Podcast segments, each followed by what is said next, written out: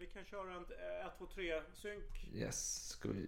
Och då är återigen, jag kommer inte ihåg formerna. Är det 1, 2, 3 och sen istället för att säga 4 så klappar man. Precis, ett, två, tre. Klapp. Det- Alltså det här är påminner om dialogen i, är det någon Dödligt vapenfilm där när Danny Glover sitter på toaletten ja, fan det säger mig någonting nu.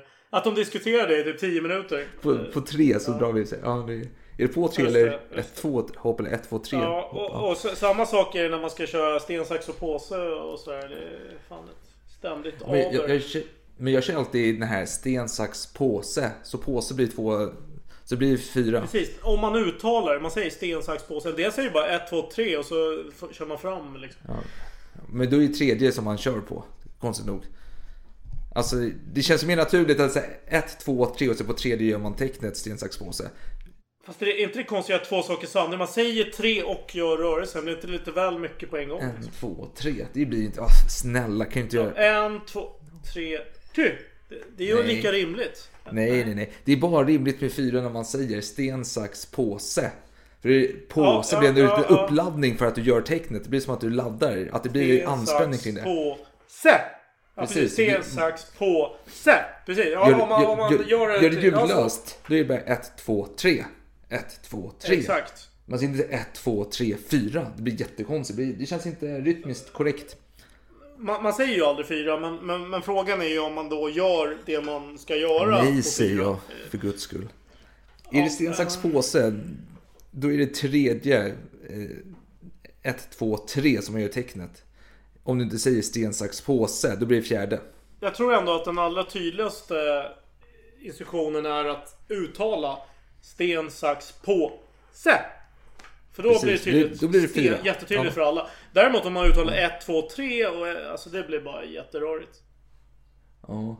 Men men lite konstigt dock i din logik där. För om du tänker ett sten, sax, påse. Att man gör, gör på fjärde. Då, är det för, då gör du på sista betoningen på påse som man gör tecknet.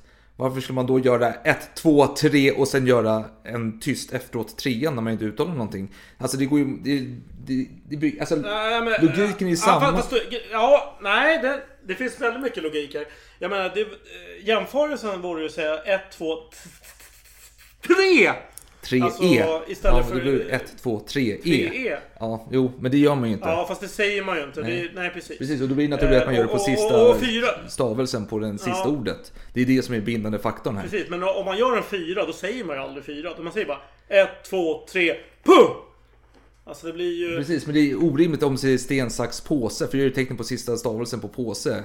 Ja, och sen ja, det ja, 1, jo. 2, 3 så gör det ett extra slag. Så att jag- jag tror att Eller det vi, flyter, vi flyter, Alex, vi flyter iväg från ämnet. Du ska göra den här klappen så vi kan börja avsnittet. Okej, okej. 1, 2, Två, 3. tre.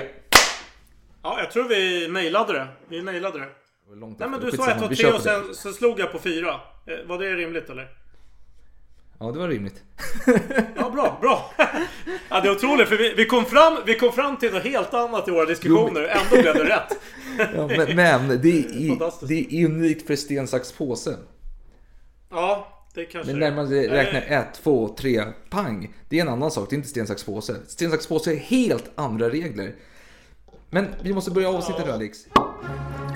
Mitt konunganamn skall vara Karl den sextonde Gustav. We shall never surrender. allen Zeiten nicht die Mehrheit. Kom inte med en sån jävla provocerande och aggressiv ton mot mig. Där har våldet triumferat. Ask not what your country can do for you. Ask what you can do for your country. Ska vi verkligen öppna en till flaska? Ja, vad fan har du att välja mellan? Skål ta mig fan! I have a dream. Ah, I see you look at your leader. And I too look to you, Paul Bauma. It's one small step for man, one giant leap for mankind. Varmt, varmt, varmt välkomna till Salongsberusad historia. Er hamn i stormen. Ja, bra för ämnet faktiskt. För att citera Eh, Jan Johansen, eller Ingela Pling Forsmans fantastiska text till Jan Johansen Se på mig, som vann Melodifestivalen. Fantastisk låt. Ja, fantastisk fantastiskt. låt. Fantastiskt lite- att du fick det in det och kopplade det till ämnet. Det är jag djupt imponerad. Ja, tack, tack, tack. tack. Hur är det med dig då? Lite, lite håglös, vad kan man säga? Lite tempofattig är jag idag. Jag känner mig väldigt, eh, väldigt... Är inte eh, det ändå säsongsbetonat på något sätt? Vi är här mitten januari. Det är ju verkligen lågpunkten kanske på hela året. Ja, jo det är det förvisso. Det är fortfarande mörkt, det är kallt, det är inte så jättemycket snö, men det brukar det väl aldrig vara i och för sig. Inte för att jag älskar snö, men Det är mysigt om det ska vara mörkt och kallt så hellre snö. snö än ingen snö. Jo, men det är ju så. Det är så. Det, det får lov att säga. Det är onsdag. Vi, vi spelar in den 19 januari. Klockan är 20.23 för att vara exakt. Det är lite, lite seg, Ja. trögflytande. Det är svårrott om man säger så. Fan vad du kommer med sjötermer här. Eh, Men för några veckor sedan, ungefär två veckor sedan, så satt vi och diskuterade om vad kommande avsnitt skulle handla om. Vi satt och bollade lite idéer på ämnen. Och då kom ett förslag upp som var det stora tågrånet då. Och då sa du, det är för välkänt, det är för välkänt. Det är tråkigt, alla känner till det. Jättetråkigt. Då kom, Då kom ett förslag upp. Så Du kan väl säga att det var ditt förslag helt enkelt. Varför skulle jag kommentera mig själv? Det, det går inte ihop. jag säger inte det, det är franskt trots allt. Så det är alltid möjligt om jag säger så. Men absolut, det var mitt förslag. det var mitt förslag. Men då kom jag på, om jag ändå ska ta åt mig äran för saker och ting, att varför inte göra ett Ja, avsnitt om något välkänt, okänt. Vad är välkänt, okänt? Jo, någonting som många har hört talas om, men som många, mig inklusive själv, har otroligt dålig kunskap och vetskap om. Det kanske bara jag som blottlägger min okunskap här i detta ämne. Men vi ska prata om Andrea Doria-olyckan. Och den är ju känd från eh, ett Seinfeld-avsnitt eh, från 96 tror jag det var, november 96. Eh, faktiskt ett utav de mindre populära rent åskådarmässigt när det sändes. Eh, jämfört med de andra avsnitten den säsongen. Inte sämst, men någonstans bottenskicket där. Och det handlar ju om, då om att eh, George, jag, jag, jag förutsätter att alla vet vad Seinfeld är för någonting och älskar Seinfeld. För det är ju Ja, gud. det ja, är det är världens Det, bästa tv-serie kanske, tillsammans med Kvinnofängelset. Fantastiska Kvinnofängelset. Fan ja, nej, men jag håller med. Jag, jag skriver under på båda, både och där. alltså. Fantastiska Och så Kvinnofängelset. the, the, Freak Ferguson där i Ja, Kvinnofängelset. Maggie Kirkpatrick, vad fan heter hon? Ja. Men hon, det. Mm. hon blev ju känd för mig faktiskt eh, under Voxpop-tiden, när Voxpop gick på tv. Det måste ha varit slutet på eh, 90-talet där, när det australienska bandet, vad hette de då? Silverchair hette de. Eh, gjorde någon låt där hon var med i musikvideon som någon så här politiker som var en robot.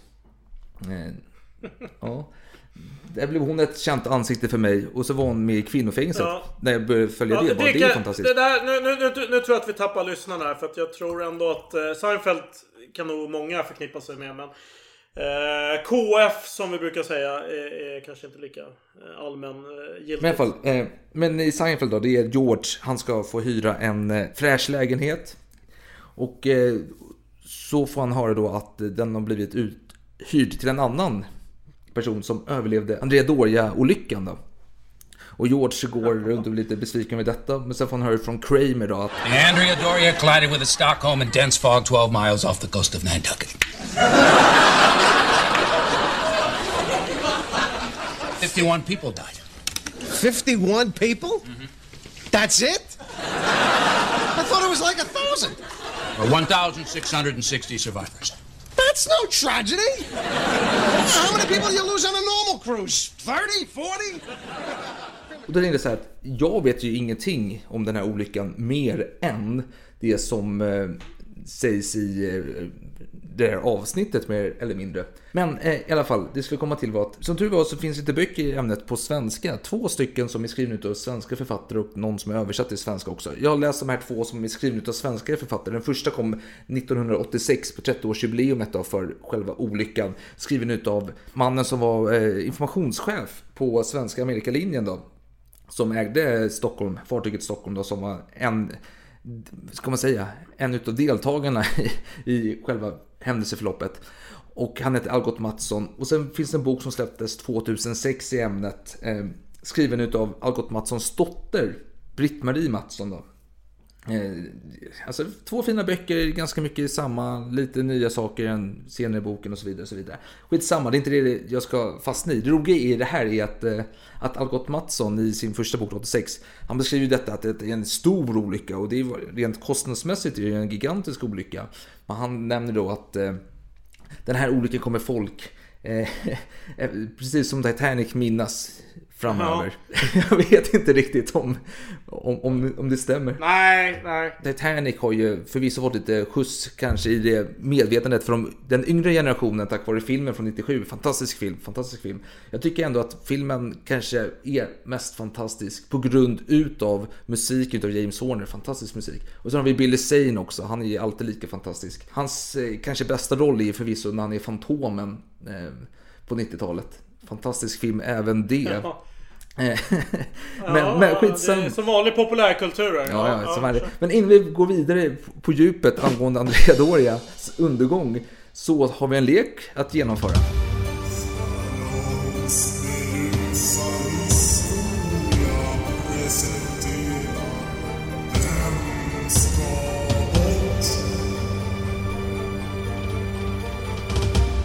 Just det. Och eh, poängställningen är väl... Eh, vad kan det vara? 10-0 eller 10, Ja, eller? precis. 10-0. Är du redo? Jag är redo.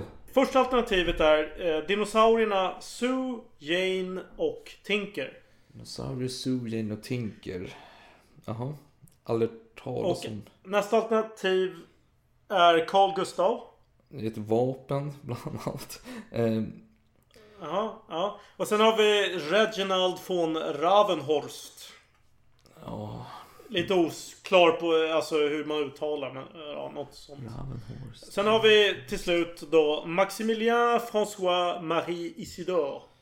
Det är väl, vet han, Robespierre då, antar jag. Du, du åsyftar, fast du eh, gömmer hans efternamn där. Ja. Ja, det går ju att diskutera om man skulle ha med efternamnet. Men okay. nu valde du inte att ha Okej, okay, okej. Okay. Eh, jag antar att de här dinosaurierna är några så här fossiler som man har hittat någonstans. Eh, Robespierre var en tyrann. Carl Gustaf är ingen tyrann. Om vi tänker på kungligheter. Eh, vapnet, tyranniskt vapen, nej, jag vet inte.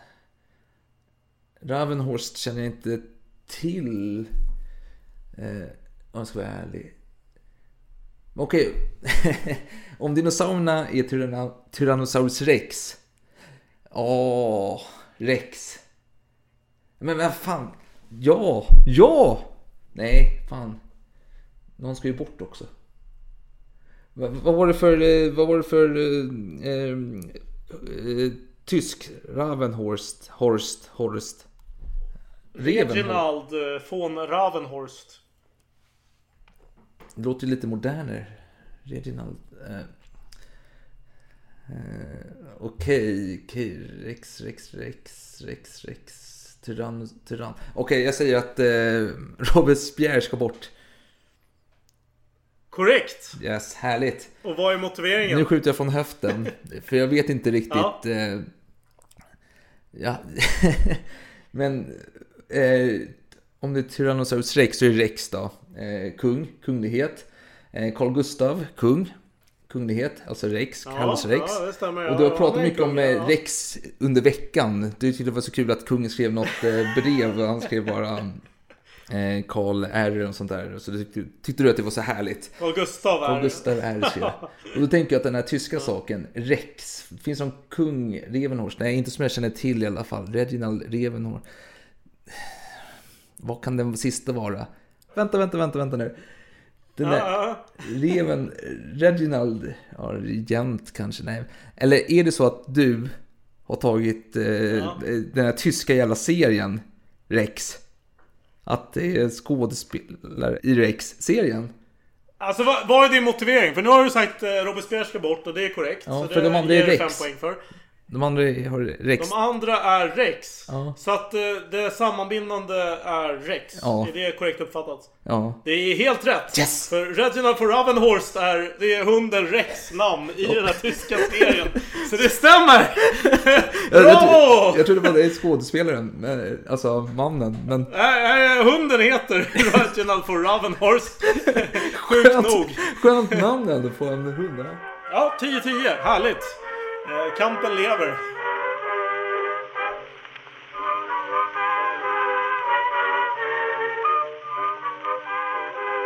Victoria, Victoria. Ja. Härligt, härligt. Ja, här är du utropar på italienska. Och, och nu har vi det här ämnet då med sjökapt, sjö... Ja, sjökaptenen kan man väl ändå säga. är ju liksom eh, viktiga aktörer. Och när jag tänker på italienska sjökaptener då tänker jag på en specifik person. Gör du också det? Ja, du tänker på Ynkrygg, Kapten Ynkrygg. Ja, Francesco Cettino. Som eh, skulle imponera på sin flickvän tror jag att det var. Älskarinna var det gjorde någon... eh, Ja, det såg, ja, precis. Så var det nog. Och gjorde någon manöver och så ställde till det och sänkte sitt eget skepp och flydde innan eh, passagerarna fick göra det. Och så vidare. men, men, men jag tror och hoppas på att den italienska sjökaptenen i eh, denna olycka ändå betedde sig lite mer gentlemannamässigt. Vi har svaret. Ja, det får du redogöra för. Jag kan ju ge förutsättningarna lite för den här olyckan. Gärna, Hur det gärna. funkar. Eh, Så att den ena aktören är ju då Motorship eh, Stockholm, eller MS Stockholm. Med kapten Gunnar Nordensson. Som jag tror var runt 63 år eh, vid tillfället. Jag kan ha fel om det, för det har jag inte hittat några tillförlitliga uppgifter. Men däremot har jag sett en eh, bild på honom där han redogör för eh, hur olyckan och då var han 63 år. Så att, eh, lite oklart där. Jag har inte orkat eh, kolla upp saken närmare. Men eh, jag kan konstatera att han ser lite ut som den numera bortgångne Ian Wachtmeister. Skulle du hålla med om det? Nej, skulle jag nog inte göra.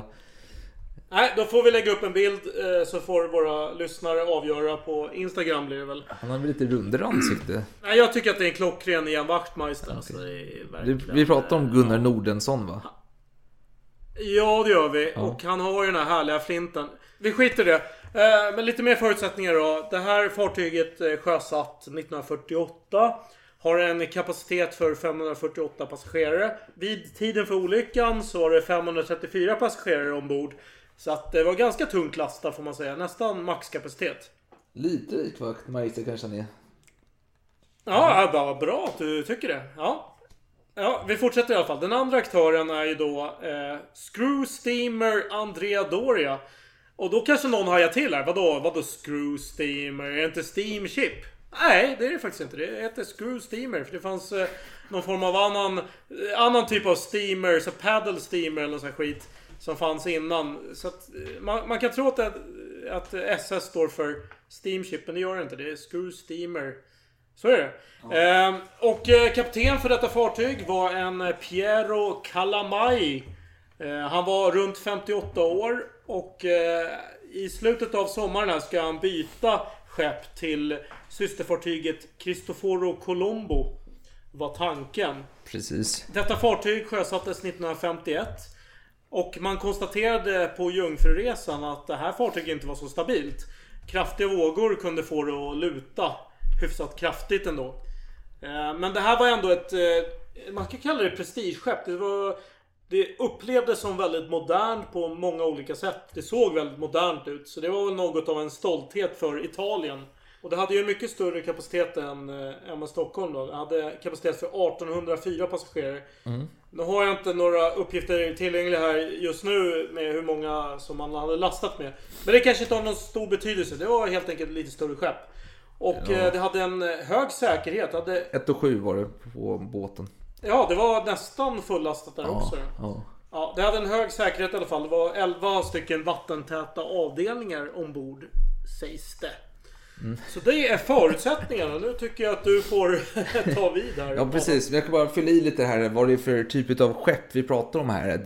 Det- är klassamhällets skepp på den italienska Andrea Doria då.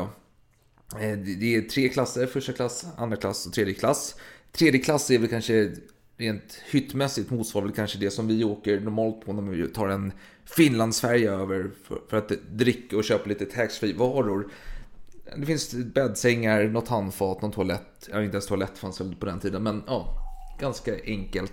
De lyxigare hytterna, alltså det här är 50-tal alltså, så det, lyxen är inte så här det är lite mer funkishem jämfört med kanske tidigare tiders eh, Skokloster slottslyx. Eh, alltså de förkrigsskeppen som fanns i Italien, de vet, det var ju glamoröst, det var ju mycket former och kurvor och så vidare. Det här är lite mer raka linjer, moderna konstnärer som har gjort lite saker, lite, lite tråkigt faktiskt. Det är inte ens toaletter för tredje klass, det är för jävligt ska jag säga.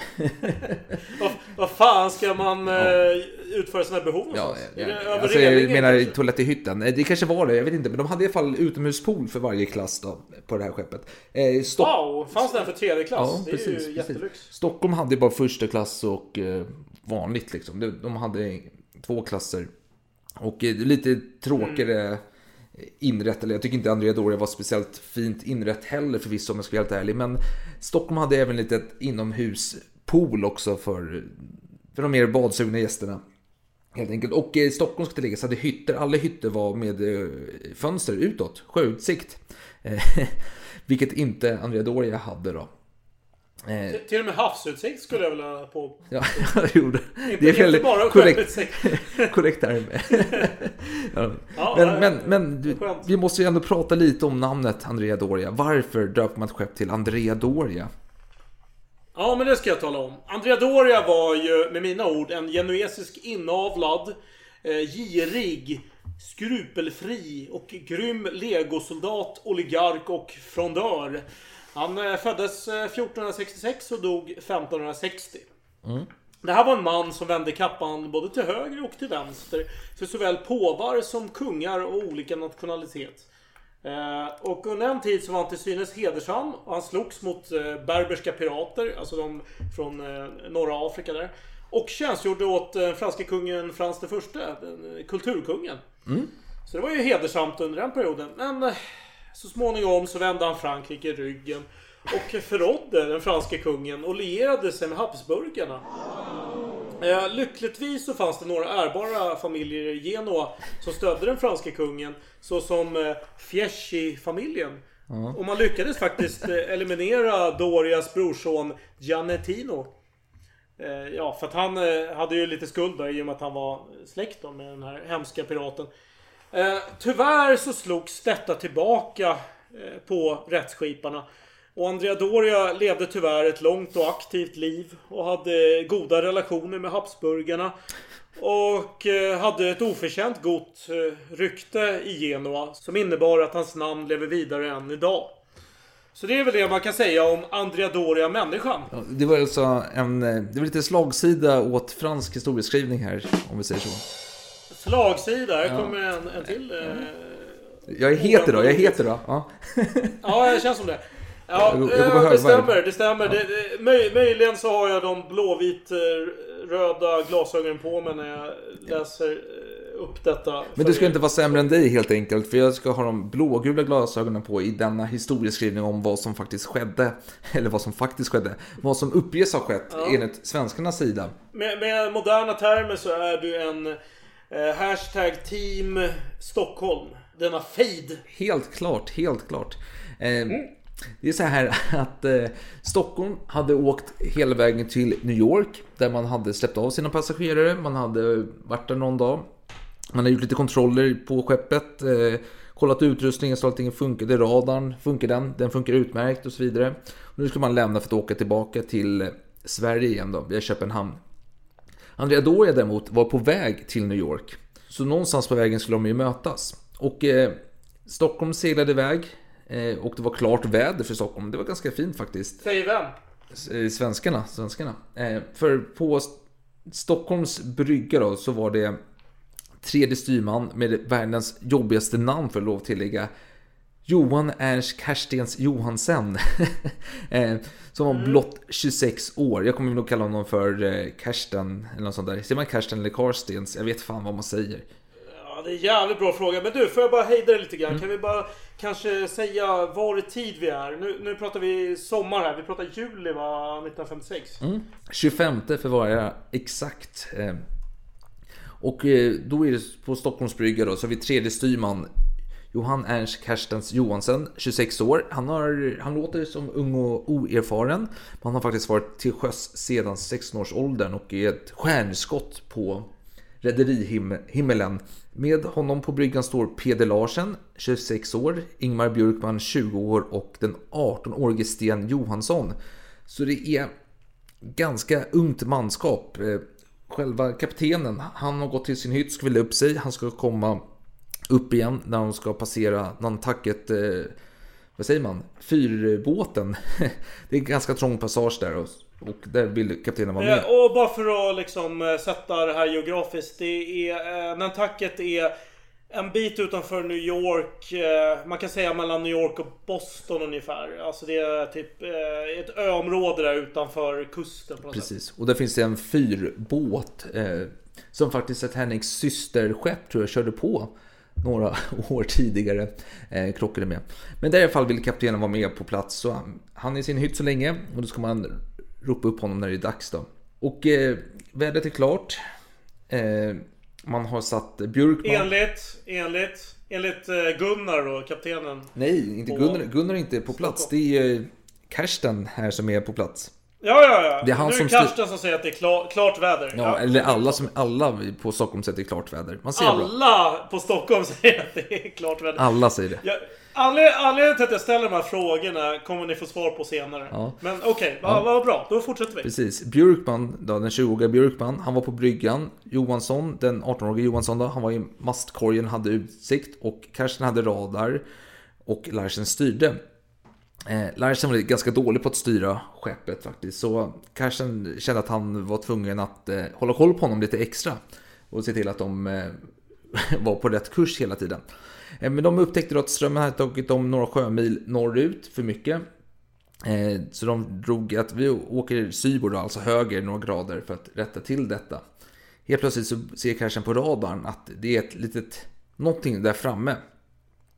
Och eh, för att kunna avgöra vad det är som är där framme, hur eh, fort du åker och hur, eh, vilken kurs den har så tar han fram plottningsbrädan. Alltså plottning är en ganska ny, eh, ny inte produkt, en ny, nytt verktyg som de unga har utbildat sig i, som inte de gamla kan lika bra helt enkelt. Så han plottar och säger, ja men det är bra, eh, vi är på, det är på vår barbordsida, alltså på vänster sida kommer det här skeppet och vi kommer passera dem med gott avstånd. Vi ser bra, här ser inga, inga problem. De åker vidare, börjar närma sig den här på radarn då, den här pricken som dånar. Ja, okej, okay, han gör en ny plottning och säger att Jo men vi ligger någon sjömils mellanrum men min kapten vill att jag, vi ska ha lite större avstånd när vi passerar så jag styr lite åt styrbord. Igen då. Och eh, då helt plötsligt så är Björkman som befinner sig på babords bryggvinge. Han skriker då Laternor om babord!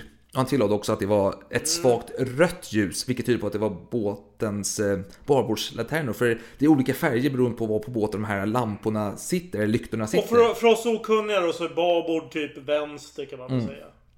Precis, styrbord höger. eller? Ja.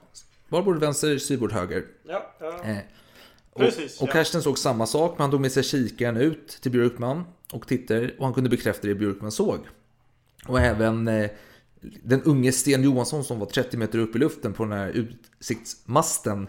Eh, han kunde se då att ja, men det här stämmer också, jag ser också det här ljuset. Och Larsen som styrde såg också det, alla såg det där, att det var på babord sida ljus. Får jag fråga ungefär vilken tid Ja. på dygnet är detta?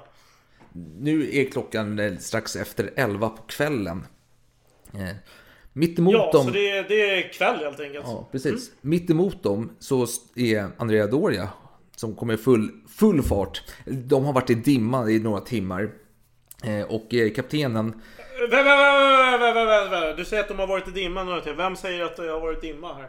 men de, italienare, de, som, de har rest i dimma från Ja, Nantucket Okej, så innan. nu byter du helt enkelt fokus. Nu är det inte, stå, nu är det inte svenska perspektivet utan nu är det... Nej, nej, nu är det italienska perspektivet.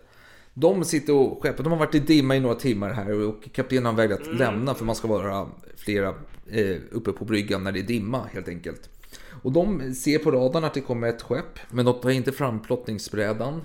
Eh, de tycker att vi kör den gamla old school-varianten. Vi sitter och memorerar avståndet mellan alla prickar på radarn och beräknar därav var den är någonstans. Och det här ser ut att vara på vår styrbordssida. De kommer närmare, närmare och närmare. Och helt plötsligt så ser någon att, vänta, jag ser någon lampa på styrbordssida. Och då lämnar de, han som koll på radarn lämnar och går ut på bryggan. Så alla italienare står nästan på bryggan där och kollar. Bara, jo men fan det, det, är något, det, är något, det är något vagt ljus där på syborgs sida. Ja, men det, ja, fan, det, jo det är fan ett ljus där någonstans. Ja det är det. Och, och han som sitter i utsiktsmasten där, han är plötsligt ser eh, laternerna på Stockholm på syborgs sida. Men helt plötsligt så är de på vänster sida. Och då har ju Calamai, då, eh, Piero Calamai, Calamai, vad säger man? Calamai, Calamai, Calamai. Jag vet fan vad säger man? Piero Calamai. Kalama, ja, jag, jag kan inte bättre italienska än du. Alltså, jag, jag skäms. Men uh, Kalamaj, Kalamaj. Ja, vi säger Piero, Piero, Piero. Piero, Piero. Men då är i alla fall kapten Piero, för att han tror att Stockholm är på styrbords sida, alltså höger sida, så har han eh, ordnat att man ska köra en kurs till eh, vänster. Då. Men då gör man den här eh, giren till vänster. Ja, alltså. babord, precis. Och då ser man att den här italienaren som har utsikt ser då att fan, Stockholms terminal är på vänster sida, alltså babord sida. Vi, vi håller på att kollidera här, vad, vad ska vi göra? Och eh, det är så här att eh, i dimma så ska man enligt sjölagen ta ner på tempot så man ska kunna bromsa ganska eh, snabbt. Men det, alltså vad man ska göra och vad man gör i verkligheten, det är två olika saker. Och italienarna är inte ensamma om detta. De håller ganska hög fart. De går ner från 23 knop till 21,8 knop tror jag. Kaptenen Piero säger slå full, full fart, gira barbord. Vi, kan inte, vi kommer inte hinna bromsa eller någonting. Och då ser ju Stockholm här att vad fan gör italienarna? De svänger mot oss. För det är så här, enligt sjölagen så ska man, om man eh, träffar, möter varandra, så ska båda väja till höger, alltså styrbord. Det är som eh, högertrafik helt enkelt. Exakt. Men det gör inte italienarna, de svänger vänster utan jävla anledning. Eh, och då, Stockholm slår på, Stockholm som har lite lägre fart slår då på full back och girar, fortsätter gira åt höger och hoppas att de ska missa då. Men så blir det inte. Stockholm har väldigt låg fart jämfört med italienska fartyget. Mm. Stockholm står ju nästan mer eller mindre nästan, ja, i princip stilla kan man säga. Om man ska hårdra det lite vid kollisionstillfället. Men kollisionen är ett faktum och eh, Stockholm kör in i sidan på Andrea Doria. Eh, Så Stockholms front går egentligen in i sidan på eh, den italienska fartyget. Ja, precis. Dess styrbordssida då, dess högra sida. Och det är så här att uppe på däck när detta sker så är det en eh, spansk städare på Stockholm som behöver ha lite luft. Han är sjösjuk, så han har gått upp där. Och då helt plötsligt så hör han en kvinna ropa, ett barn helt enkelt. Eh, vad är vi vad är vad är? Så kom han fram, vad heter du?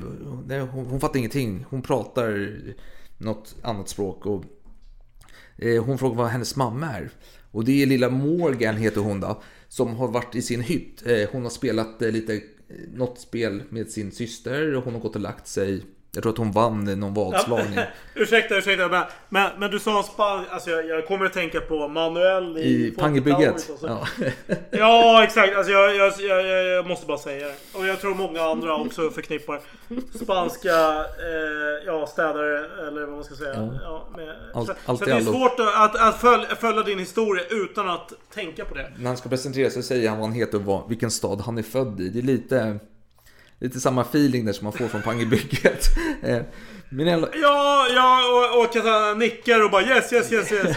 Precis. Precis. Nej, men, Men, men, med det i åtanke, snälla fortsätt din historia. Jag var bara tvungen Ja, att säga nej, nej, det. precis. Men hon hade gått och lagt sig. Jag tror att hon hade vunnit någon tävling med sin syster och fått välja säng eller hur det nu var. Eh, lite ungefär som när Metallica, när basisten Cliff Burton omkom i Sverige 86. Då hade han också spelat kort och vunnit och fick välja vilken säng i bussen skulle ta. Och så kraschade buss, eller bussen körde av vägen och han dog. Lite samma känsla i det här, fast då eh, 30 år tidigare. Och eh, del utav familjen dör i alla fall i olyckan. Och det är många som dör. Och i, i själva faren på Stockholm, där är i besättningshytterna. Men som tur är det inte så många som är på plats. Så det är inte så många som stryker med från Stockholm. Men på Andrea Doria är det lite värre. Och det första med när man har krockat då, det är att man måste kontrollera, kommer vi sjunka eller inte? Så man skickar ut... Ja, ja eh, innan, innan, innan vi kommer in på detaljerna om exakt vad som händer med, med eh, som konsekvens av krocken så kanske vi ska bara nämna att eh, just när, när två fartyg krockar och eh, eh fören krockar så är inte det lika allvarligt som när liksom, sidan av fartyget utsätts. För det verkar som att fartyg är mer tåliga just när, när det är fronten som skadas jämfört med när det är från sidan. Ja. Bara som jämförelse, om Titanic, om man inte hade girat där, då hade man kanske klarat sig bättre då än vad man gjorde. Eh, Just när, Okej. vid, vid kollisionen med det isberget. Så, att, Så kan det eh, vara, så kan det vara. Så, Men så bara för sammanfattningsvis så går det bättre för Stockholm än för eh, Doria. Kan man väl säga. Men, eller hur? Ja, Men det, är, men det är inte bara därför, skulle jag vilja påstå. Nej, fortsätt. Eh, Dory är ganska usel konstruerad och följer inte instruktionerna till fullt och pricka. Men i alla fall Stockholm, man måste kolla eh, hur skadorna är. Man har fått lite slagsidor, några få grader. Stockholm har också massa vattentäta rum då, skott då, som ska göra att man kan ta in vatten i vissa utan att sjunka. Ja, vad bra att man lär sig någonting av Titanic. Ja, precis. Och det, det ser bra ut. Det är vattenfyllt på vissa ämnen, men man lyckas dra upp någon brygga och få ut lite vatten då. Och tömma så man får lite rätsida på slagsidan så att säga. eh, och eh, man går kontrollerar skadorna och hittar en, en person är på, eh, vad heter det, på däck och kollar runt där och ser någon kvinna ligga ner som ska hjälpa henne till säkerhet. Ska ta tag i hennes hand. Och så drar han och så lossnar armen från kroppen och den här kvinnan faller ner i What? havet då. Så hon har ju kommit från eh? Andrea Doria-skeppet helt enkelt. Vad sa du? Armen lossnar från kroppen? Ja, ja hon det var väl inte så mycket till. Det satt väl inte fast speciellt hårt. Eh, Det var väl mer, eh, Det låter ju extremt... Ja. lite mer som en Det är svårt att skyltdocka. föreställa sig just av en, en, liksom en sjöolycka att det eh, ska ge sådana skador. Ja, men då sitter du i en hytt och sover så kommer en, ett skepp in i hytten. Alltså stora delar, många historier är så att eh, vem man som var inne med sin fru i sin hytt, de hade någon svit. Och då skulle han bara gå och eh, tvätta sig i ansiktet innan läggdags. Och då precis så krockar skeppen. Hans fru dör ju. Han klarar sig. Eh, men han, han får gå ut från badrummet till ett stort hål mer eller mindre. Så absolut, det är inte helt otänkbart. Man, man kunde i alla fall konstatera att eh, det är ingen direkt fara för Stockholm. Eh, Men man fick eh, anrop från eh, Andrea Doria, då, kapten Pierre, om att oj, det är katastrof. Kom, skicka hit skepp. Skicka hit skepp. Och massa skepp anslöt då, det var några stycken, i alla fall tre, fyra stycken. En var Ile de France. Frans fartyg, Ja. Ile de France, ja, precis. De tvekade lite. Ja, fortsätt. De tvekade lite, men till slut... Nej, Jo, gjorde de jo, jo, Ja, okej då. De- Jo, de, jo, jo, de är pliktskyldiga. De ska ju hinna i tid. Ja, Så, så de tvekar, men de kommer dit i alla fall. Andrea Doria har ju fått ganska kraftig eh, slagsida, så de får inte ner deras livbåtar säger de. Och dessutom så är det lag på att man ska ha livbåtsträning på skeppen under sån här resa. Stockholm hade inte hunnit ha det ännu, för det var första dagen de var ute från New York då. Men italienarna hade haft det. Eller de, hade, de skulle ha haft det. De, men de hade inte haft Nej, det. okej, men skeppen lutar ganska mycket också. Så det, gick, det var väl omöjligt att Jo, precis, men de, men de hade inte haft det där, Ja. den här Nej. genomgången. Inte det heller. Så, så tänkte jag att när du flyger någonstans så är alltid den här säkerhetsgenomgången. Det här var, italienarna orkade det. inte. De sket i det. De sket i det totalt. Så passagerare var tydligen på plats och väntade på personal som skulle visa men ingen kom. Så de tänkte, ja ja, skitsamma. Ehm, och så eh, krockar skeppet några, några dygn senare då. Men alla Jag kan se det framför mig liksom bara... Ska, ska, ska vi ta en champagne eller ska vi t- lyssna på den här genomgången, den här säkerhetsgenomgången med den här uh, lökiga kaptenen som ser ut att... eh, nu, nu vet jag inte hur sjökaptenen såg ut på italienska fartyg. Jag har faktiskt inte någon Ganska slick, lite. Eros Ramazzotti-aktig. Okej, ja men den här Ramazzotti, vad fan, vi kan, vi kan lyssna på Ramazzotti senare. Vi behöver inte... Vi tar en champagne nu istället. Eh, så de flesta sket det, Ja. eller hur? Till och, med, till och med besättningen, de orkar inte heller med det. Ingen orkar lära sig Precis, precis. Problemet var ju kanske inte att eh, passagerarna inte var så intresserade, för de var på plats många och ville ha en genomgång, men det var mer att besättningen inte var intresserade. Men Stockholm säger i alla fall så här, men vi skickar iväg våra livbåtar till er. Man har lite motordrivna livbåtar också, de har lite som måste ro då. Och men när tredje styrman Karsten då, han har träffat kaptenen, kaptenen har kommit upp och frågat vad fan ropar du inte på mig för? Vad fan har hänt? Och Karsten sa, men vadå, det var ju, vad skulle jag ropa på dig för? Det var ju helt lugnt. Vi skulle passera på en och en halv sjömils avstånd. Det var klart väder från, från vår del. Jag hade ingen anledning att ropa på dig. För det var så att kaptenen skulle... Ja, stopp, stopp, stopp, stopp, stopp, stopp, stopp, stopp. Jag vill bara liksom förtydliga här att nu pratar man om klart väder från Stockholms håll. Medan italienarna pratar om dimma. Ja. Eh, fortsätt! Ja, jo, men det, det är inte så konstigt om du försöker bygga upp det, Alex. Du försöker ha den här magisk, magiska kulan i JFK-filmen från 93. Med... eh, Men- men jag har ju lösningen sen på slutet. Är det, vad heter han? Regissören. Vad heter han? Oliver Stone, ja, är det så gjort. Med den magiska kulan där. Oliver Stone, Ja. det gamla klassiska Eller är det från Hollywood, 92 eh, eller är det från 93? Jag minns fan inte. 92 eller 93 är den från. Vem bryr sig? Eller 91? Ja, men jag, jag försöker bygga upp en grej här. Ja. Jag kommer komma med Jo. slutlösningar. här. Ja. Mm. Eh, Gunnar Olsson sa till Karsten då, men eh, skriv bara ner anteckna vad som har skett. Och det gjorde han lite kortfattat. Efteråt så tyckte han att det var lite väl kortfattat Karsten. Han, det hade skett en olycka så jag skrev ner det mest nödvändiga helt enkelt. Och han fattade inte riktigt vad fan de italienarna höll på med. För enligt lag så ska man ju alltid styra till styrbord när man får möta en trafik. Vad, vad är det de inte fattar de här jävla italienarna? Så han blev lite upprörd då, men han kände att jag behöver ha en fast uppgift nu. Jag kan inte gå runt här på bryggen och bara virra runt. Så han sa jag vill åka... Skrev han det så här jävla italienare? Han skrev det i... Nej, det skrev han inte, men han kände väl säkert så. Om jag får applicera känslor på honom helt enkelt. Projicera lite Du får, känslor. på dina, du får projicera dina känslor på honom. Lite osmakligt kanske, men vad fan. Det är salongsberusad historia, vem bryr sig? Eh, så han hoppar ner i livbåt nummer ett och for med full fart. Inte ensam, men han får i alla fall med full fart mot Andrea Doria. När de kommer fram dit så åker de runt och inspekterar sig att det är jävla kraftig slagsida. Det tar, har tagit 35 minuter innan de kommit fram dit också dessutom. Och sen är- händer någonting så de eh, skadar sin livbåt. Men de lyckas ändå eh, hålla sig i liv. Det är inte, det är inte, alltså det jag vill få fram är att det är inte helt riskfritt detta. Utan de offrar sina liv, de här som åker ut med sina livbåtar ut. När de kommer dit så eh, är det någon som försöker gå ner i båten, någon italiensk besättningsman och de bara, vad fan ska du hit för liksom? Vad fan skärp dig liksom? Varför, inte han, varför försöker inte räddera passagerare för? Och de tittar runt omkring sig och ser att alla italienska besättningsmän bara springer runt och är galna liksom och försöker inte göra någon organiserad räddningsaktion helt enkelt. Det finns inga repstegar som man kan kastas över på sidan och ingenting. Det, blir mycket kaotiska scener helt enkelt. Det är en man som får panik. Han ska försöka rädda sitt barn. Så han tar sin tråga unge och kastar ner en livbåt. Problemet är att barnet slår sig allvarligt i huvudet och dör några dagar senare utav hjärnskador tack vare att han, eller ungen då, det var en flicka hade skadat sig illa när pappan hade kastat ner i båten i ren panik. Och flera andra kastade ner sina barn i båtarna men då i dessa fall så var svenskarna förberedda så man hade hittat så de hade tagit fram eh, brandfiltar som höll upp så att eh, ungarna skulle landa mjukt. Och vissa hamnade i vattnet istället men då kunde man ju plocka upp ganska enkelt. Eh, Ja, ja, okej, okej. Lärdom här. Alltså kasta inte era barn till eh, pe- personalbesättning förrän ni, har ögonkontakt och, personalen förstår att de ska ta emot.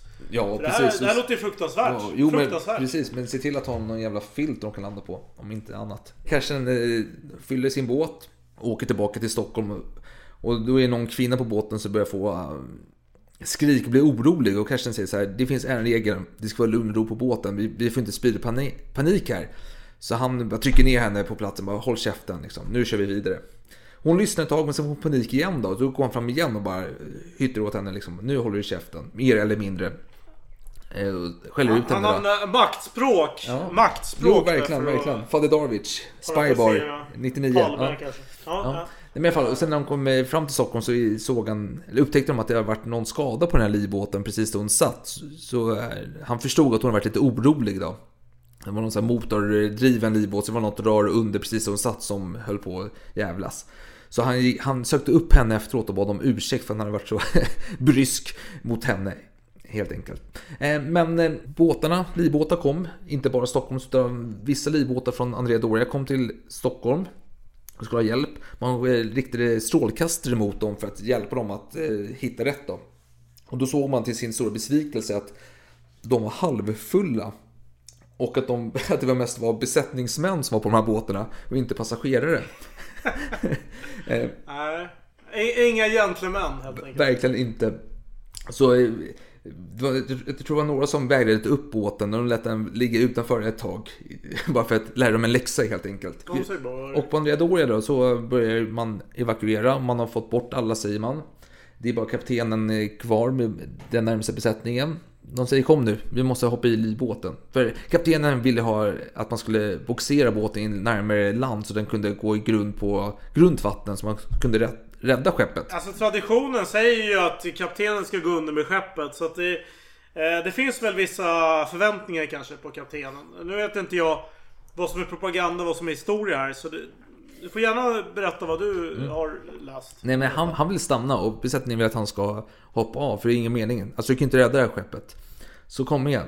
Så han säger, men hälsa min fru att jag gjorde mitt bästa. Jag gjorde allt jag kunde för att rädda skeppet. Och besättningen bara, men skärp dig. Om inte du går så kommer inte vi gå. Kaptenen bara, okej jag vill gå till livbåtarna då. Han var helt livlös i blicken, säger hans eh, besättningsmän. Alla besättningsmän hoppar ner i båten. Livbåten alltså. Och nu är det din tur kapten Piero. Piero betyder sten va, på italienska. Ja, okej, det är som Petrus alltså. Okej, ja, det låter rimligt. Eh, ja, ja, det är en Petrus. Det här är en stenhård eh, Ja. snubbe. Nej men så han vill inte hoppa i båten. Då säger de så här, men om du inte hoppar i så hoppar vi upp helt enkelt. Och då suckar han och så hoppar han i livbåten och så åker man och ser att båten håller på att sjunka. Men eh, under denna period då, medan båten sjunker, det är- långsamt farväl om vi säger så. Väldigt långsamt farväl. Då ser man att det är en man som springer runt, en amerikansk soldat som springer runt på Andrea Doria. Det visar sig vara en soldat som varit varit skadad och skulle transporteras hem till USA. Och han har ju fått eh, smärtstillande och eh, sömnmedel för den här resan. Och då hade han vaknat upp där när båten höll på att sjunka helt enkelt. Så man började ju då ifrågasätta italienarna om de verkligen hade kollat att alla var evakuerade som var vid liv då. Om man hade kollat alla hytter och rum och så vidare. Tydligen har man ju missat honom. Så han lyckas hoppa i eh, vattnet och bli uppfiskad utav en annan livbåt.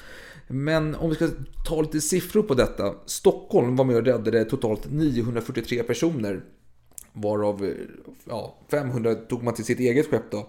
Jag tror att det är väldigt relevant att nämna här att Stockholm inte sjunker. Nej, det är, ja, det är väl relevant att nämna att det inte är. Stockholm li- ligger och flyter. Eh, mm, Anket ligger i botten och man kan inte röra sig någonstans. Så därför blir det lite underlättar man. Man tar ungefär 500 till sig.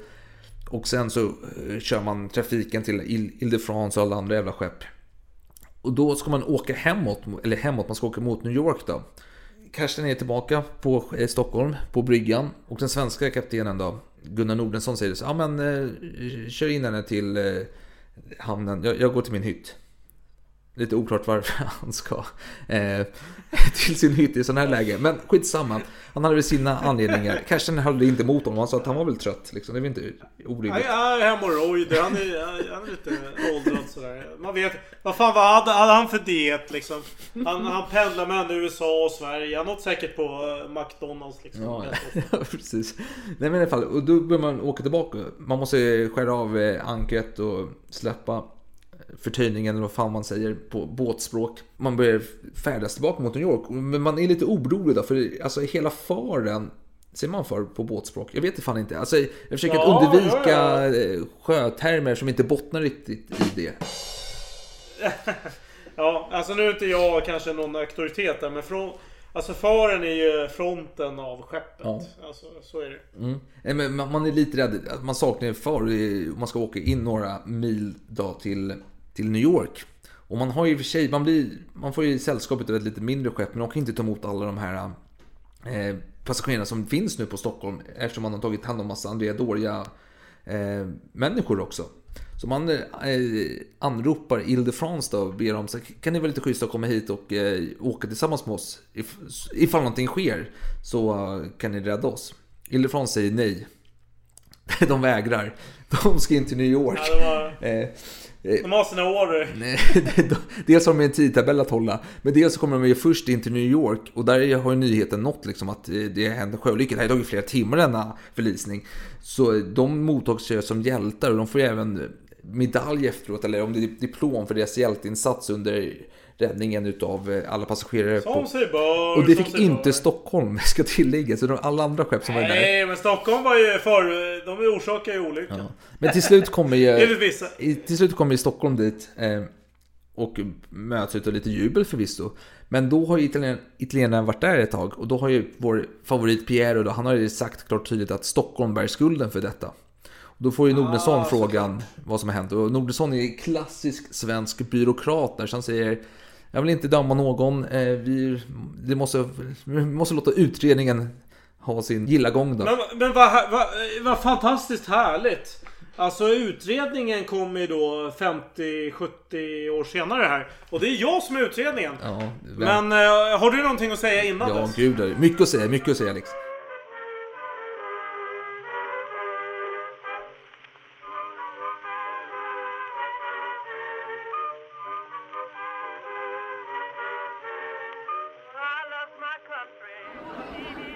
You were on the Android Dory. Yes, it was a terrifying ordeal. Well, I tell you, I hear people really stuff themselves on those cruise ships. the buffet, that's the real ordeal, huh, Clarence? We had to abandon ship. Well, all vacations have to end eventually. The boat sank. According to this, it took 10 hours. It eased into the water like an old man into a nice warm bath, no offense. So, uh, Clarence, how about uh, abandoning this apartment and letting me shove off in this beauty? Is that what this is all about? Eh, du får ta din utredning sen, för det sker ju förhör direkt då. Man måste... Vem bär ansvar för skulden? Och det finns lite vittnen här då. Alltså de som var på eh, däck då och eh, eh, styrde skeppen, eller fartygen. Eh, och man anlitar advokater, eh, italienarna. Detta är väldigt stolthet för dem, så de eh, har ju PR Eh, grupper som kommer dit och ska sprida lite nyheter. Svenska Amerikalinjen är lite mer ja, inte lika desperata kanske, utan de känner sig trygga på sin sak. Men de har lite ändå toppadvokater för ämnet. Och nu ska man börja förhöra sin egen personal då. Eh, man ska förbereda dem inför de tuffa, tuffa rättegångarna som kommer vara. Eller förhören då, rättegångsförhör. Så man börjar förbereda på vilka frågor som man ska, komma från motståndarsidan. Förbereda så att man ska svara bra och så, framstå som ärlig och så vidare. Och svenskarna har då rätt tala sanning, säger man. Tala bara sanning, uppriktigt vad som har skett. Och eh, tveka inte, eh, visa ingen svaghet på så sätt. Problemet är då att eh, man måste reparera Stockholm och man gör det på en torrdocka i New York. Och det ligger i italienska kvarteren. Och passagerarna får ju bo, eller besättningen får ju bo kvar på Stockholm. Och Karsten är eh, huvudvittne, han är nyckelvittnet här liksom. Och det finns inga toaletter på eh, skeppet nu för de är avstängda så måste gå en bit in på hamn för att komma till en offentlig toalett där han kan göra sina behov. Så han var lite nojig där liksom, fan kommer någonting ske liksom? Det är, folk har ju dött för mindre om vi säger så och det är ganska lätt på en mörk eh, hamn. Så han, han, är, han är orolig för att gå på en offentlig toalett och han ska bli dödad av en italienare. Nej, han, han väl rädd att gå, gå på själva eh, alltså, piren, alltså hamnen där, alltså när han går runt där. För det är mörkt och det är... Alltså, det är han tänker på Al Capones eh, spöke här. Att det finns massa italienska gangster som kommer lönnmörda honom när han går och- på hamnen för att urinera. Ja, det blir så att han måste bli förflyttad för advokatbyrån har fått mottag hot mot eh, Kerstens liv då. Att någonting kommer hända honom. Så man måste flytta honom. Och till slut så får han, då frågar vi, vill, vad vill åka någonstans? Han vill åka hem, han ska ju få ett barn, hans fru är gravid och så vidare, så han vill hemåt. Så han får ta eh, flyget hem. Och då landar i Köpenhamn först då. Och när han kommer dit så är det fullt med ambulanser och läkare. Och han, och han bara, vad fan gör ni här liksom? Och då är tydligen ryktet gått. Någon hade släppt uppgifter om att han åkt hem för att han fick ett nervsammanbrott då. Troligtvis tror man då att det var italienarna som spred ryktet för att göra... Propaganda. Ja, precis. För att visa att han är en svag karaktär. Men eh, han lever i Sverige ett tag. Sen måste han åka tillbaka till eh, New York. Han får flyga. Då får han sitta i samma plan som flera utav besättningen utav Andrea Doria då. Och de vet inte vem han är. De bjuder på vin och är jättetrevlig och glad och sådär. Och sen eh, ska han då komma på de här förhören då. Och han blir utfrågad vad som har hänt och han förklarar sakligt hit och dit. Han är ganska bra ifrån sig. Det är, han, det är ganska eh, hetsk stämning i själva rättegången då. Det är mycket skrik och eh, att han är svag, att han är oerfaren, han är ung och han har gjort eh, konstiga beslut, upprepar man hela tiden. Men han såg på och berättade vad som har skett och så vidare. Så vidare, så vidare. Sen är det hans kapten Stu Nordensson att vittna. Och sen får han någon fråga och så svimmar han av och behöver sjukvård. Och då eh, börjar italienarna ifrågasätta om han verkligen var sjuk eller om det var att frågorna var för tuffa för honom att han döljer någonting då. Men det visade sig att han hade någon hjärnkomplikation då som gjorde att han faktiskt var sjuk eh, på riktigt. För man, det räckte inte bara med de vanliga läkarna utan man, italienarna kom dit med egna läkare då. Som skulle undersöka honom helt enkelt. Eh, Ja, men, eh, fantastisk tid alltså. men man hade ju lite så här att man skulle ha lite uppgifter eh, om varandra. Och italienarna, de vill inte dela med sig så mycket med uppgifter. Men svenskarna hade ju kontakter i själva skeppsvarvet då, i Italien. De här byggde, för de byggde, byggde sina skepp där också. Så de fick lite uppgifter därifrån då, dokument om att ja, men, den var lite ostabil den här Andrea Doria. Och så vidare och så vidare. Men man höll Ja. dem, det skulle bara bli trumfkortet då ifall rättegången kom in i sitt slutskede. Eh, men kan tilläggas är att eh, eh, svenskarna de lämnar ifrån sig all, alla deras sjökort allting med alla anteckningar som de skulle. Men alla de här dokumenten var borta på Andrea Doria. De hade ju sjunkit till botten med skeppet. Ja, samma. ja, visst var det så att, att själva skeppsloggan, eller vad man säger, Ja. att den var borta Ja. på Andrea Doria. Precis. Och då tyckte man så här, men vad fan, vad då? Alltså det var det var inte så att det sjönk på en halvtimme liksom, utan det tog ju flera, flera timmar. Varför har ni inte räddat de dokumenten för? Och då visade att eh, Piero, då, han hade kaptenen på Andrea Doria, han hade gett order om att eh, rädda dokumenten.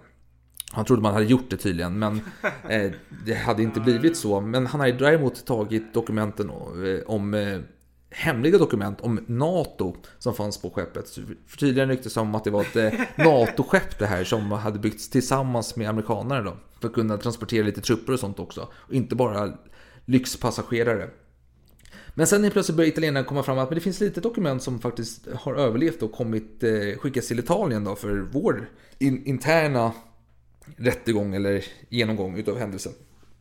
Och det säger svenskarnas advokat att vi skick, skickar den till hit då. Så får vi kolla på den. Och den kommer dit och då tycker svenskarna, eller svenska advokat, men fan ni har ju mixtrat med denna liksom. Ni har ju fan klippt och klistrat hur mycket som helst det verkar det som. Så han ber eh, Piero att eh, titta på den här, är det någon som har fifflat med denna? Kan du svara på det? Och eh, Pieros advokat börjar bara, vad fan, vad håller du på med? Så där, du kan inte tvinga honom att svara på det liksom. Det, är- det här är olämpligt. Du initierar någonting här. Vad, vad han håller på med? Men domaren ger eh, svenskarna rätt, eller svenskarnas advokat rätt då. Och säger, men Piero, Piero, berätta nu för oss. Har någon mixat med den här eh, loggen?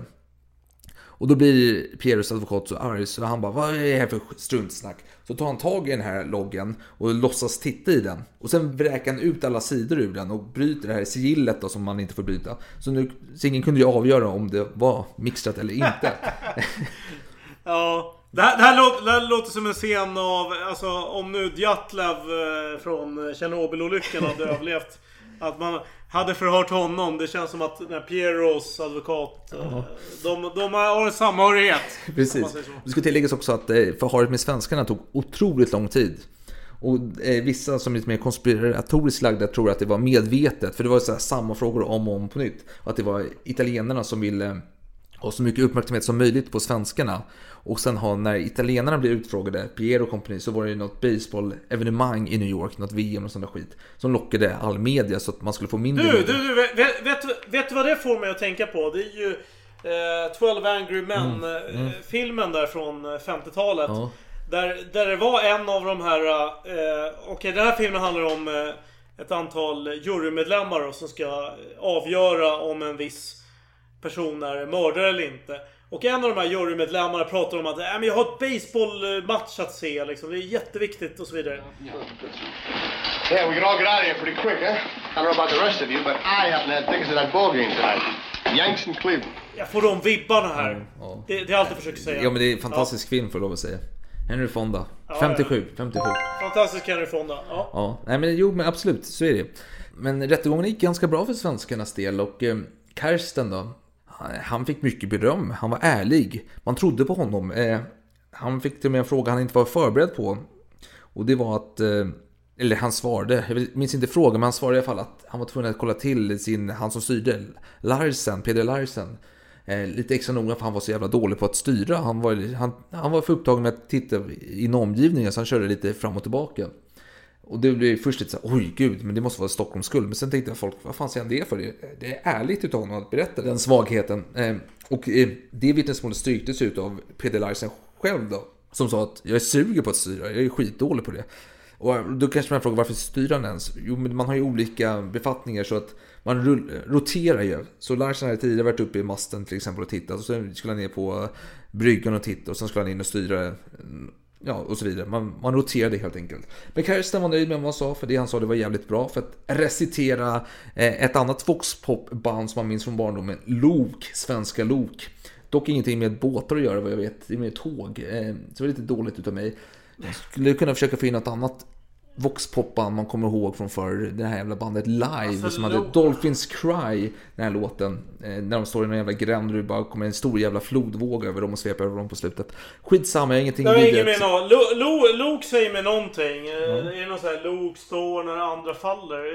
Eh, Stämmer Precis, det, precis, precis. Så det gjorde det i Stockholm om, om inte annat. Eh, Så det, där har vi kopplingen. Men i alla fall, i alla fall, ja, i alla fall. Eh, Man börjar komma till förhörens slut. Och eh, försäkringsbolagen börjar samtala med varandra och med eh, de här två rederierna då. Och eh, mycket fight fram och tillbaka. Till slut så kommer man fram till ett besked om att ja, man, når, man når egentligen en överenskommelse och man annonserar detta i ett offentligt uttalande. Men strax efter uttalandet så kommer någon italiensk förespråkare från bolaget och säger att jo men försäkringsbolagen ska ersätta italienarna med 90% och 10% med stockholmarna. Vilket antyder på att det är stockholmarnas fel det hela. Och då blir stockholmarna galna, eller svenska rederiet blir galet och säger så här, vad fan det här är dynga. Vi ska ju påminna er om att vi kan fortfarande gå till, till rättegång med detta. För det stämde ju inte. För sanningen var ju så att italienarna måste betala för sitt eget skepp. Så de, alltså att det har sjunkit och Stockholm får betala för reparationen för sitt skepp. Eh, och sen har man en gemensam fond för alla passagerare som ska ha ersättningsanspråk. Då. Man kan säga att det slutar med att italienarna får betala 90% och Sverige då, stockholmarna 10%. Nej, men stockholmarna menar jag alltså skeppet, alltså rederiet eh, Svenska Amerikalinjen då, inte själva Stockholm. menar. Dock var ju italienska Andrea Doria var ju statligt så de italienska medborgarna fick ju punga ut för detta helt enkelt. Så där kan man säga att eh, försäkringsbolagen och bolagen då, rederierna kom fram till att skulden på ersättningsmässigt låg på italienarna. Tyvärr fick man inget juridiskt beslut om detta. Eh, Vem som bar skulden för det inträffade. Och det, finns inte andra människoöden från detta. eh, någon, Skit i människoöden. Ja, vi skiter i det. Vi Nu, nu, skiter det. tänker jag, nu, nu, nu ska jag gå in på skuldfrågan här. Jag tycker Ja. att det är det mest intressanta. E, enligt mina uppgifter så ska Gunnar ha uttalat så här att vädret var klart när de närmade sig Nantucket. Ja. Och Nantucket var ju cirka 85 kilometer från eh, haveriplatsen ungefär. Det låter ju väldigt mycket för sig. Men eh, ja, eh, det är vad det är. Eh, så att det är vad Gunnar sa då, kaptenen på Stockholm.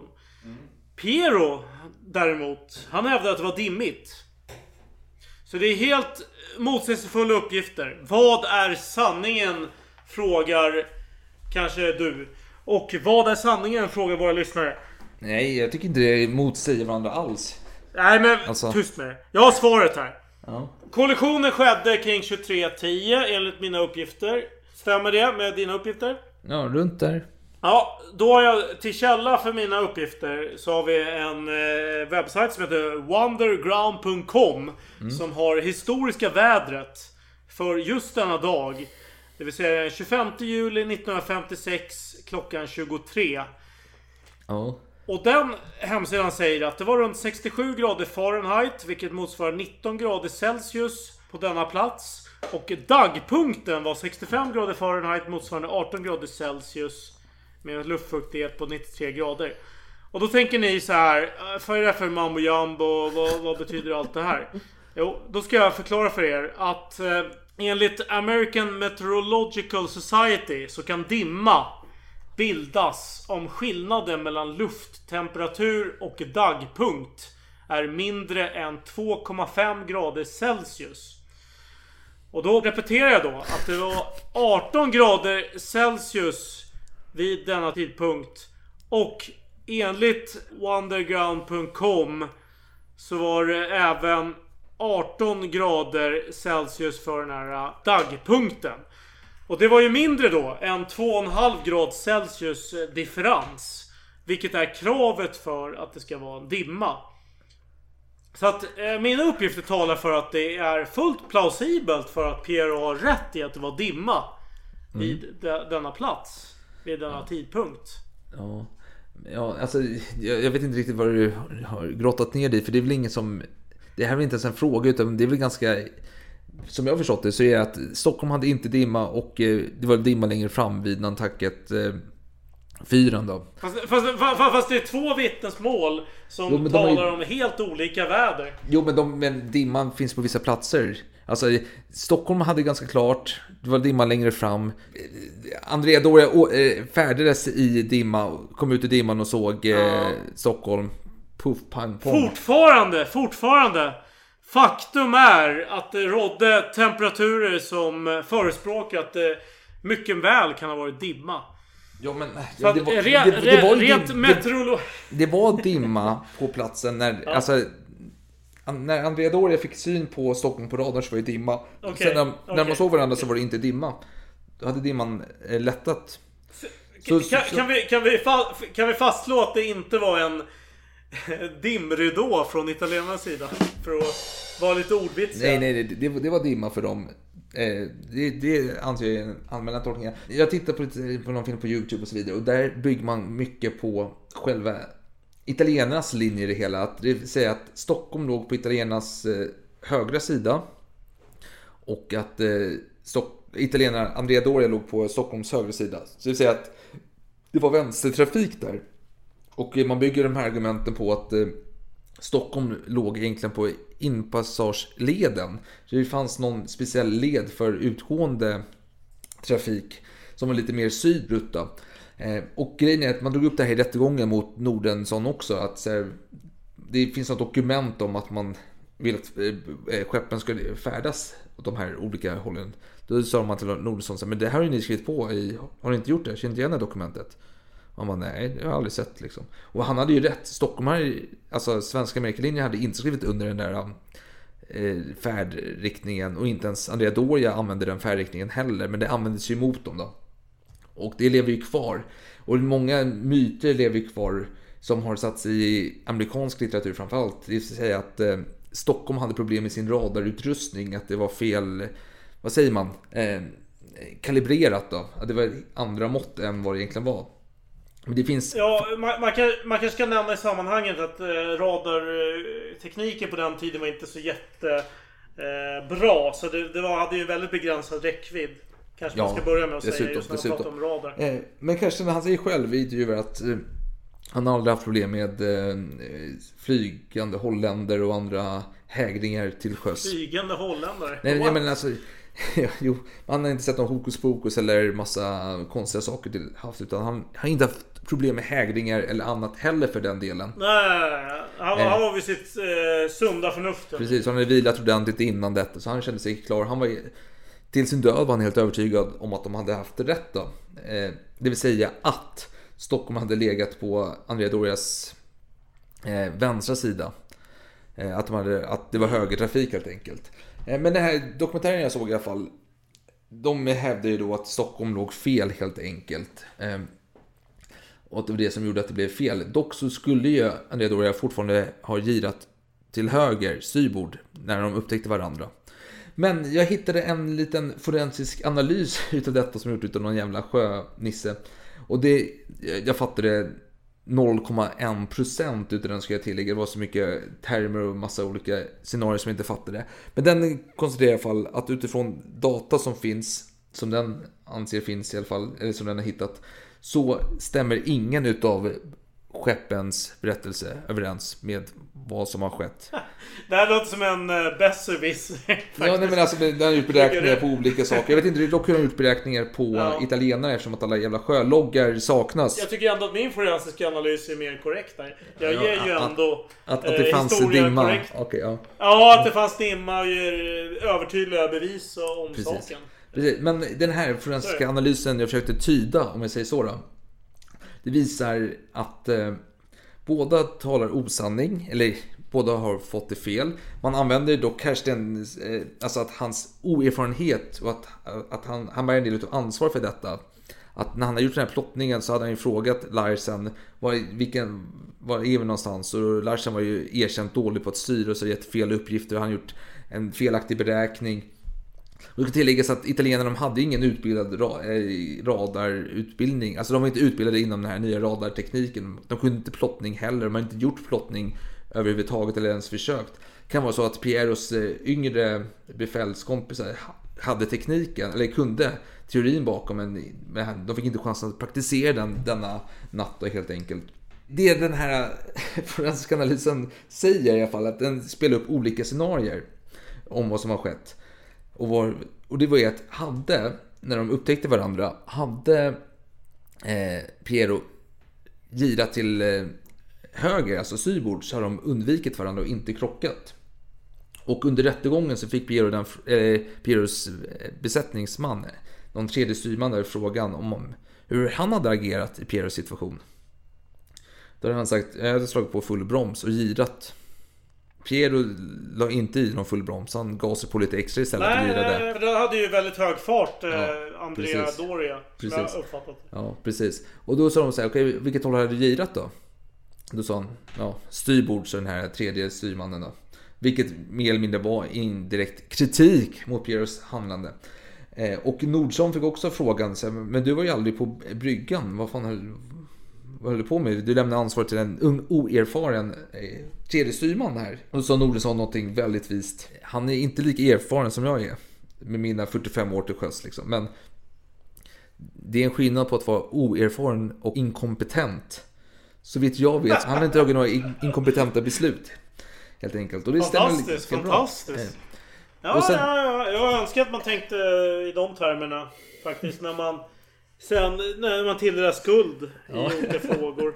Precis. Nej men eh, om vi ska eh, sammanfatta någonting här på slutet med den forensiska analysen är att den, enligt den, jag vet inte hur mycket den stämmer, vad den bygger sina siffror på. Jag är för okunnig och oinsatt i det hela för att kunna avgöra detta. Men det är att de kom mot varandra snett ovanifrån mot varandra. Så att Stockholm kanske var lite till höger om Andrea Doria. Stockholm var i stort sett stillastående. Så det Ja, men fanns det- inte men- mycket som Stockholm kunde göra. Utan, Nej, ja. nej, ja, men det, det, de blev stillastående när olyckan väl var framme. Men innan så, alltså Stockholm girade i styrbord för att öka Sänkte avståndet. farten. Stockholm sänkte farten.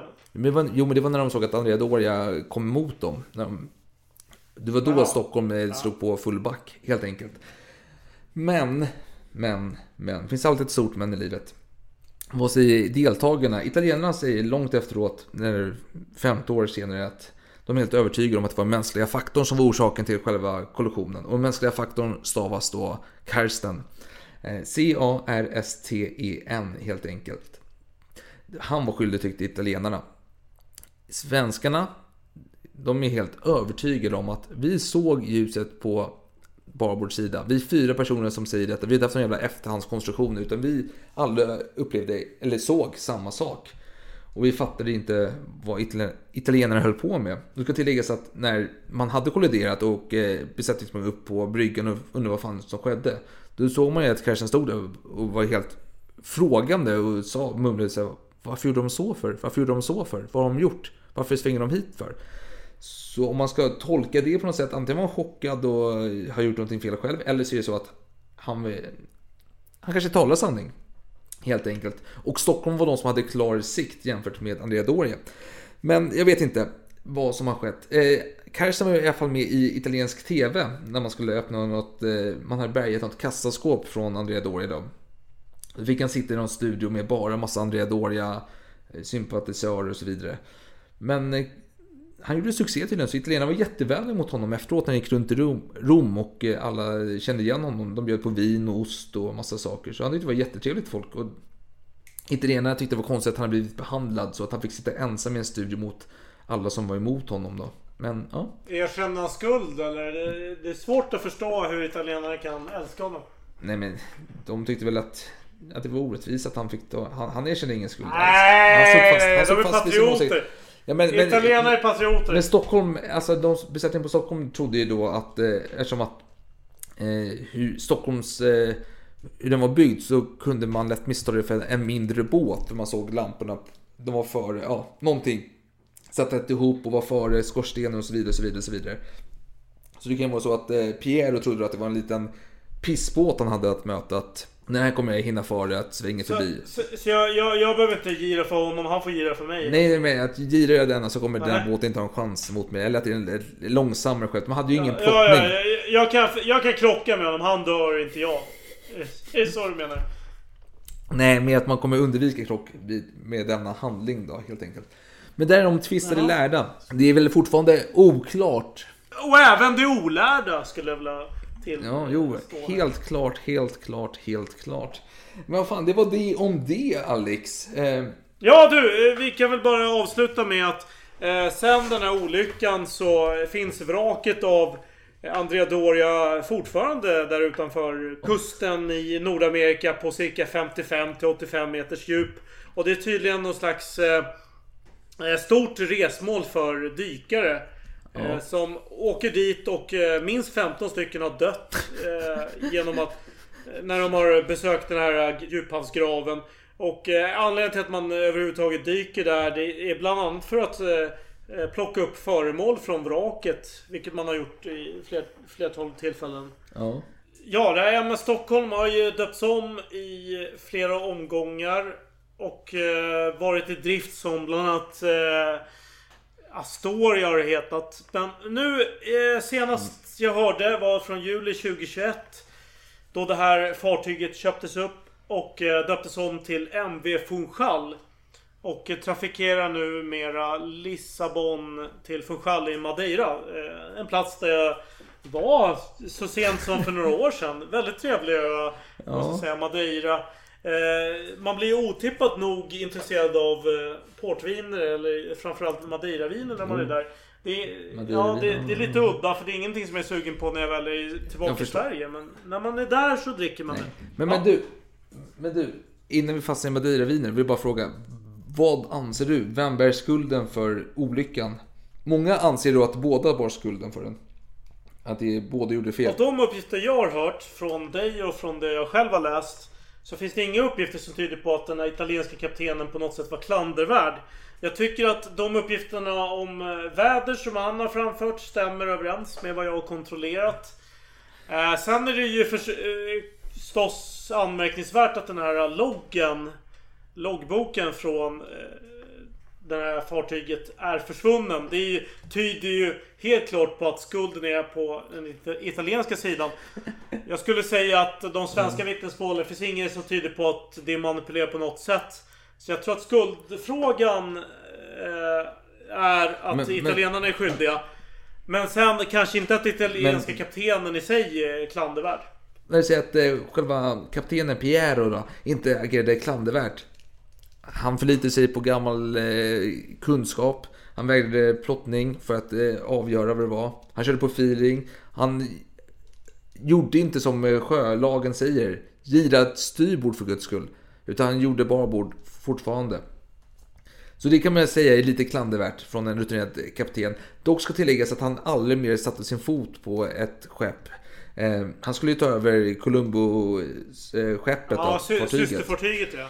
Ja, men han fick inte den besättningen. It, ja, italienarna vägrade ge honom en, en ny tjänst där. Han fick aldrig uppleva detta. Och hans familj sa att det var som att eh, eh, hans son hade dött. Och han tydligen sagt på dödsbädden att eh, alla passagerare är räddade, hade han sagt. Eh, lite foschiskt på något sätt. Foch säger Alonso på slutet i sitt liv. Och, eh, På dödsbädden ja. Eller vad fan man... Så nu, nu kör vi liksom. Precis, och eh, kaptenen Piero sa att alla passagerare är räddade. Ja, jag får samma vibe utav de båda historierna helt enkelt. Och jag ska tillägga den här forensiska analysen be- behandlar det här eh, spörsmålet om att eh, radarn var felaktigt inställd hos svenskarna. Han sa att men det där stämmer inte, det är bara dynga liksom. Du hade kanske märkt det direkt om det var fel eh, avstånd inmätt på den här radarn. Det, här, det, det stämmer inte alls, det är, det är en myt som har satt sig bara. Eh, Men han menar dock att eh, Karsten borde ha förstått att han inte såg Andrea Doria, att det var dimma framöver. Och borde då ha kallat på Nordensson, då, sin kapten. Men eh, ja, så kan det vara. Så kan det vara. Jag tänker så här Alex, ja, vi får skåla på distans helt enkelt. Och hoppas att ni som har lyssnat, ja, att ni haft någon form av njutning under denna stund. Eh, ho- Det, det var det är helt enkelt. Det var det. Men tack Alex, var kul att prata om en eh, olycka. Den, okända, känd, den kända och okända olyckan helt enkelt. Som skulle bli lika ihågkommen som Titanic. Ja. Enligt ja. eh, dåtidens Ja, intressanta. vi, har, vi har ju pratat mer om Ja. det än de flesta pratar om Titanic. Så vi får vara nöjda med den saken. Även om vi kanske inte gått fullständigt till botten. Om man återigen ska köra en ordvits här. Med, med vad, vad som är eh, sanningen. Ja, det finns en lite rolig historia faktiskt om en, eh, en politiker som är på Andrea Doria. Som eh, berättar att italienarna gjorde ett fantastiskt jobb. Gud vad duktiga de var. De, besättningen gjorde allting de kunde för att vara rädda oss. Och sjömännen gjorde allting rätt. Allt var jättebra. Och det var ju, man misstänkte då, han fick kritik rättare sagt för att eh, han, hade, han var så smarig för att många italienamerikanare i området som skulle rösta då. Så att han smarade för dem. Och han sa att han skulle åka med systerfartyget en gång till, en resa till Europa och tillbaka för att visa att han eh, litade på dem om han blev vald. Och det blev han också. Så han reste och eh, levde loppan. Men fan, kul att vi pratat med dig Alex. Vi hörs igen om två veckor. Tack för att ni har lyssnat. Vi finns på Facebook, YouTube höll på att säga, men eh, Facebook, Instagram och eh, mail har vi i alla fall. Fan vad kul. Salongskursehistorielkemail.com Hör av er om ni har något att uttrycka helt enkelt. Skål som är fan. Skål, skål som är fan.